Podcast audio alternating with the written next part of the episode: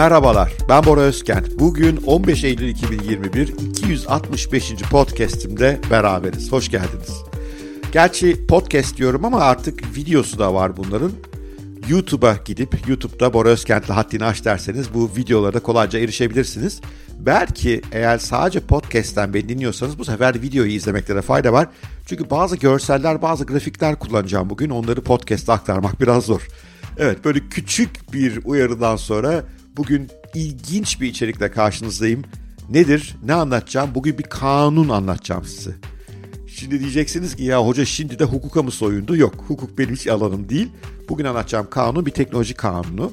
Ama bu teknolojik kanun hayatınızı değiştirecek önemde bir kanun. Onu kavramak çok önemli. Çünkü bu geleceğe bakış açınızı, yatırımlara bakış açınızı, kariyer seçimlerinizi, eğer bir girişimci olmak istiyorsanız girişimcilik e, arzularınızı, eğer bir sosyal hareket yürütmek istiyorsanız bir sosyal hareketi nasıl yönetmeniz gerektiğini bütün bunları kökten etkileyecek kanıtlanmış, ispatlı bir kanun. Adı Metcalfe Kanunu. Networklerin yani ağların, insan ağlarının değerini ölçmeye yönelik bir kanun. İnanın bana bunu öğrenince pek çok şeye bakışınız değişecek ve belki de özellikle yatırım tarafında daha doğru yatırımlarla servetinize servet katlamak veyahut da küçük bir yatırımdan başlayıp bunu büyük bir paraya döndürmek konusunda önemli ipuçları alacaksınız. Hazırsanız başlıyoruz ama başlamadan şöyle erken bir like, bir yorum süper olur. Özellikle like çok iyi olur. Algoritmalar beni daha çok sevsin diye hangi kanalda dinliyor veya izliyorsanız. Evet, başlayalım. Metcalfe Kanunu neden en önemli kanunlardan bir tanesi? Nasıl hayata etkiliyor? Yatırımı nasıl etkiliyor? Buyurun anlatıyorum. Sosyal medya platformlarında dijital varlıkların veya dijital girişimlerin değeri üzerine sık sık geldiğim bir tartışma var. Mesela Airbnb nasıl Hilton'dan daha değerli olur? Airbnb'nin nesi var ki? Alt üstü bir yazılım. Ben de yazarım onu. Oysa Hilton'un binaları var, oteli var, hizmeti var, koskoca markası var. Veya Uber'in değeri ne ki? Ya Uber altı üstü bir yazılım. Uber işte şoförlerle, araçlarla, yolcuları buluşturan bir yazılım. Bunu herkes yazabilir. Uber neden 70-80 milyar dolarlık değerlemeye sahip? Bence balon bu. Veya Bitcoin'in değeri nereden geliyor canım? Arkasında bunun hiçbir şey yok ki. Bu bir dijital yazılım parçası. Başkaları da yazabilir. Veyahut Facebook nedir, Instagram nedir, WhatsApp nedir, Snapchat nedir? Bunların arkasında ne var? Bunlar dünyaya ne katıyorlar ki? Bunlar altı üstü birer yazılım. Herkes daha iyisini yazabilir. İşte bütün bu tartışmaların kalbinde Metcalfe kanunu anlamak veya anlamamak, ondan haberdar olmak veya olmamak yatıyor. Çünkü Metcalfe kanunu diyor ki dijital girişimlerde veya varlıklarda değeri belirleyen temel unsur nedir biliyor musunuz? Onları kullanan insanların sayısıdır onları kullanan insanların sayısının karesiyle doğru orantı olarak değerde artış olur. Metcalfe kanunu işte bunu söylüyor. Bu kanunu bir kez kavradığınız zaman gerçekten yatırıma, girişime pek çok şeye bakışınız değişiyor. Şimdi kanunu azıcık daha detayına girmeye çalışalım. Metcalfe kanunun isim babası Robert Metcalfe. Kimdir Robert Metcalfe? Robert Metcalfe Ethernet'in yaratıcılarından. Ethernet ofislerimizdeki bilgisayarları, yazıcıları, onları da işte sabit disklere bağlayan network'e veya ağ, şebekeye verilen isim. Beyefendi aynı zamanda bu ağların çalışmasını sağlayan kartları üreten 3 komunda kurucularından. Yani bu Ethernet, network işlerini gayet iyi biliyor. O şöyle bir gözlemde bulunuyor. Diyor ki bir Ethernet ağının maliyeti o Ethernet ağına katılan bilgisayarların ve kartların maliyetiyle doğru orantılı artar. Buna karşın değeri onu kullanan insanların sayısının karesiyle artar. Yani maliyet lineer olarak artarken değer üstel olarak büyür diyor. Neden değer üstel olarak büyüyor? Çünkü o network'e katılan insanlar birlikte daha değerli işler yapabiliyorlar. Yani tek başına yapacaklarından daha fazla işi, daha değerli işi, daha verimli, daha kaliteli bir şekilde yapabiliyorlar diyor. O yüzden de değer kareyle artar diyor. Kanunun temeli bu. Tabi bunun matematiği bir enteresan. Diyelim ki 4 kullanıcısı olan bir network'ünüz varsa, bir ağınız varsa onun değeri 16. Kullanıcı sayısı 5'e çıktığında değer 25, kullanıcı sayısı 6'ya çıktığında değer 36 oluyor. Yani her yeni katılan kullanıcının network'ün toplam değerine olan etkisi bir önceki katılan kullanıcıdan daha fazla. İşte üstel büyümenin büyüsü burada yatıyor. Peki Biraz kafanız karışmış olabilir. Fazla matematik konuştuk belki. Matematiği liseden beri sevmeyenler varsa. Ama olay çok basit. Demek ki kullanıcı sayısı arttıkça network'ün değeri üstel olarak büyüyor. Çünkü kullanıcılar birbirlerine gittikçe daha fazla değer katıyorlar. Daha doğru şeyler yapıyorlar. Peki bunun günlük hayatta, girişimcilikte, yatırımcılıkta etkileri nedir? Biraz şimdi gelin ona bakalım. Metcalf kanunu bir kez kafanıza netleştiğinde Airbnb neden Hilton'dan daha değerli gibi sorulara net bir yanıtınız olur. Airbnb daha değerli çünkü muazzam bir network'ü var ve network her gün büyüyor. Airbnb network'ün iki unsur var. Bir tarafta ev sahipleri bulunuyor. Ev sahiplerinin sayısı arttıkça kiracılar için daha çeşitlilik artıyor. Daha farklı fiyat aralıklarında, daha farklı tarzlardaki evlere ulaşma ihtimali artıyor. Bir yandan da kiralayan insan sayısı arttıkça da ev sahiplerinin değeri artıyor. Ev sahiplerinin o network'ten aldığı değer artıyor. Çünkü daha fazla kiracıya ulaşıyorlar. Aralarından seçim yapabiliyorlar. Üstelik Airbnb bu dev network üzerinde oluşan verileri bilgiye çeviriyor. Bu bilgi de yararlı çünkü böylece ev sahibi o evini kiralamak isteyen insan bir önceki eve hasar vermiş mi vermemiş mi onu görebiliyor. Veyahut da kiralamak isteyen bir insan o evdeki daha evvel kalan insanların yorumlarını okuyup bu evde kalıp kalınmayacağı, bu evin iyi bir ev olup olmadığı bilgisine çabuk ulaşabiliyor. E bunlar muazzam değer. İşte bu değer hızla büyüdüğü için Airbnb çok değerli bir firma. Hilton'da bunlar yok. Hilton tabii bir marka ama Hilton bir network değil. Belki o Hilton kartlarını, o sadakat kartlarını kullananlar network'ün bir unsurular ama onların birbirleriyle bir iletişimi yok. Burada önemli olan konulardan bir tanesi de network elementlerinin o şebeke, şebekede bulunan insanların birbirleriyle de iletişim kurması, birbirine değer katıyor olması.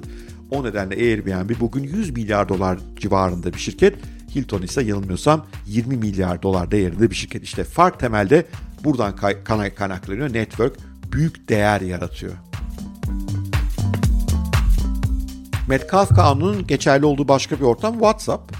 Bir ara WhatsApp hepimiz kızdık. Dedik ki verilerimizi başkana satıyormuş. Satar. Bu yani Facebook grubu bu Zuckerberg her türlü ahlaksızlığı yapar. Ben eminim yapmıştır da bunu. Ama ne yaptık? Bir süre böyle bir Telegram'a gidenler falan oldu. Sonra ne yaptık? Kös kös geri döndük. Neden? Çünkü WhatsApp'taki network çok daha büyük. Yeni bir insanla tanıştığımızda onun bir WhatsApp hesabının olma ihtimali daha fazla. Bir WhatsApp grubu kurduğumuzda ona gelen insan sayısının hızla artması daha büyük ihtimal. Ne yaptık bundan dolayı? Evet Telegram bazı özel amaçlar için gayet güzel kullanılıyor ama çoğumuz geri döndük WhatsApp'a. Çünkü oranın kattığı değer daha fazla. İşte mesele bu. Aynı şey kripto paralar için de geçerli. Bir enteresan araştırma şunu gösteriyor. Şu anda kabaca 150 milyon kişi kullanıyor kripto paraları bütün dünyada. Bu 1997'de e, interneti kullanan insanların sayısıyla eşit. İnternet o 1997'den sonra büyük bir atağa kalkıyor. O büyük atakla yanılmıyorsam 7-8 yıl sonra 1 milyar kullanıcıya ulaşıyor. Görebildiğimiz kadarıyla kriptolar daha hızlı büyüyorlar şu anda. O yüzden kabaca 4 yıl sonra 1 milyar kullanıcıya gelecekler. Yani 150 milyon kullanıcıdan 1 milyar kullanıcıya gideceğiz.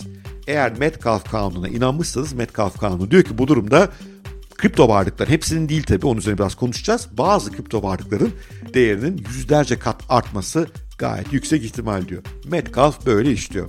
Peki Metcalf'ın gerçekten bir parasal karşılığı var mı? Yoksa Robert Metcalf sadece kavramsal bir meseleden mi bahsetti? Onu da anlatmaya çalışacağım şimdi ve göreceksiniz ki çok ciddi bir parasal etkisi var ve değerlemelerle Metcalf kanunu arasında doğrudan korelasyon kurmak mümkün. Biliyorsunuz ben yeni teknoloji şirketlerine ve kripto varlıklara yatırım yapıyorum. O yüzden hangisinin değerinin artacağı önemli. İşte burada Metcalf kanunu acaba işe yarar mı? İşe yarar. Çok enteresan 3 araştırma gördüm bu konuda. Bir tanesi NFX'in yaptığı bir araştırma. NFX 1994 yılıyla 2017 yıl arasında yayılan 23 yıllık bir araştırma yapıyor. Bu dönemde internet üzerinde başarılı olan girişimleri inceliyor. Değerlemesi 1 milyar doları geçen girişimlere. Kimler var aralarında? Apple, Google, Microsoft, Facebook, Amazon, Airbnb.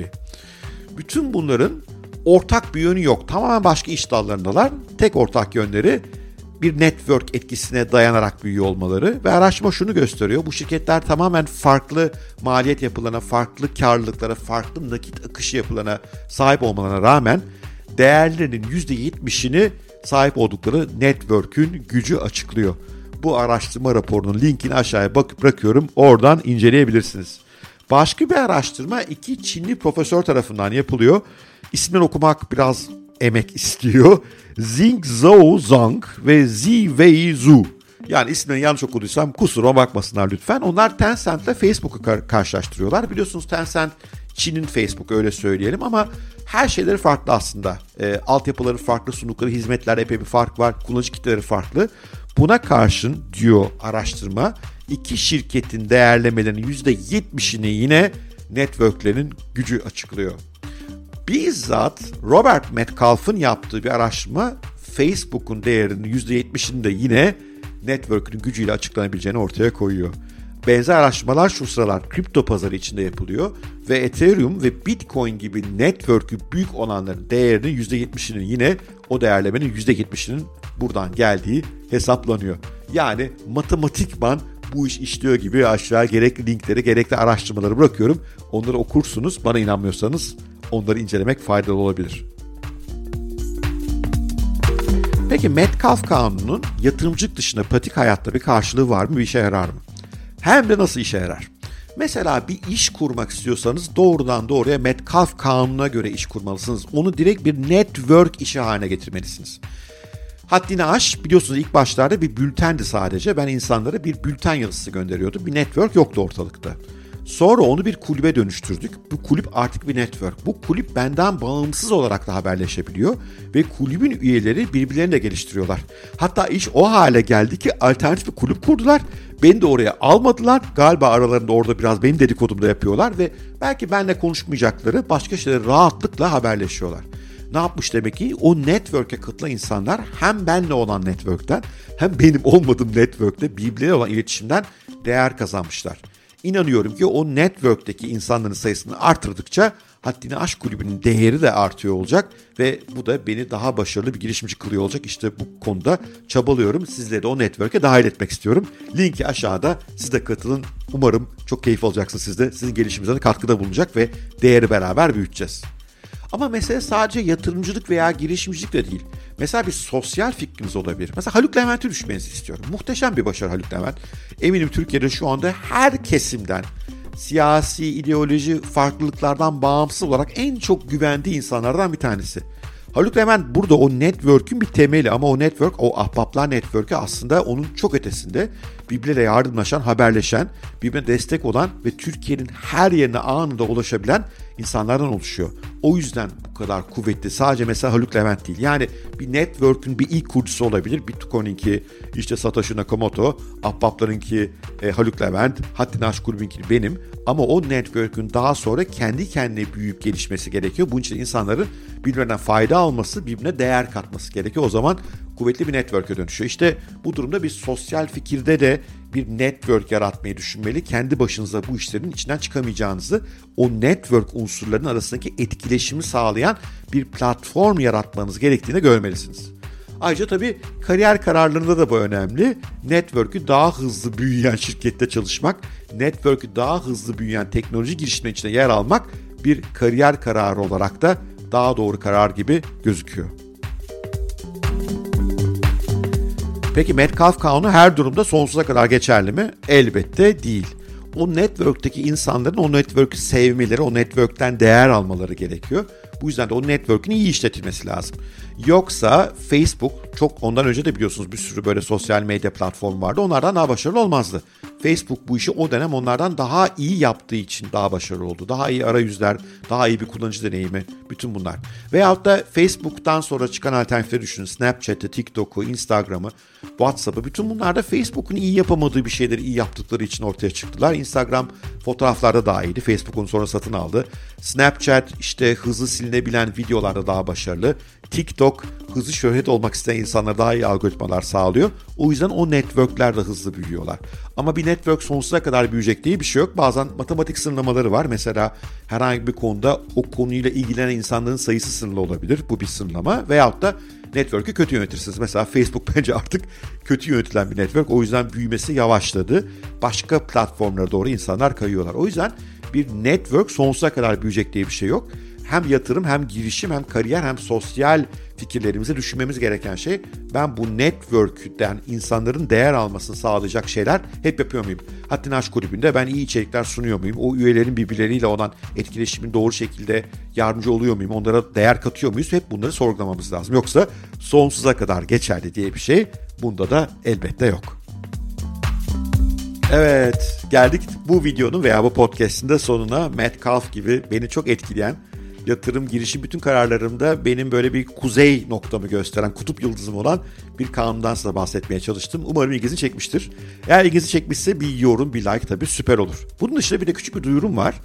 Pazartesi günü yani önümüzdeki pazartesi günkü podcast'te sizin sorularınıza yanıtlar vermek istiyorum. İstediğiniz bana her şeyi sorabilirsiniz. Teknoloji, kişisel gelişim, yatırım benim ilgili olduğum alanları biliyorsunuz. Eğer soru sayısı yeterli olursa bir 10-15 soruyu bulursak o bölümü, pazartesi günkü bölümü sadece buna ayırmaya ve o sorulara yanıtlar vermeye çalışacağım. Nasıl sorabilirsiniz bana bu soruları? Aşağıya mail adresimizi bırakıyorum. haddineaş.özkent.co haddineaş.özkent.co aşağıdaki açıklamalar bölümünde de bunu bulabilirsiniz. Oraya mailinizi atın. Eğer belirtmemi istemiyorsanız belirt şunu söyleyin ismimi belirtmenizi istemiyorum. Gizli kalmasını istiyorum deyin. Eğer böyle bir gizlilik e, koymazsanız isminizi de söylerim buradan ve sorunuzu bana yönlendirin. Dediğim gibi her şey olabilir. Bir iş kurmak istiyorsunuz, kafanız karışık, bir yatırım yapmak istiyorsunuz, kariyerinize bir atılım peşindesiniz. Dilimin döndüğünce ve bir yandan da araştırmasını da yaparak size yanıt vermeye çalışacağım. Eğer bu başarılı olursa bu bu tip bir podcast, sizin sorularınıza yanıt verdiğim bir podcast, bunun sayısını da önümüzdeki günlerde artıracağız. Biz Haddini Aşk Kulübü'nde sık sık bunu yapıyoruz ve çok iyi gidiyor. İnsanlar bir sürü soru soruyorlar. Belki daha böyle bir geniş kitle, benim sevgili dinleyicilerim ve izleyicilerimden oluşan kitleri de böyle güzel bir şey yapabiliriz. Sevgiyle kalın, hoşça kalın. Bugünkü podcast'te adı geçen konuların, e, adı geçen makalelerin linkleri aşağıda. Onları da inceleyin. Görüşmek üzere. Cuma günü görüşeceğiz. Sevgiyle kalın.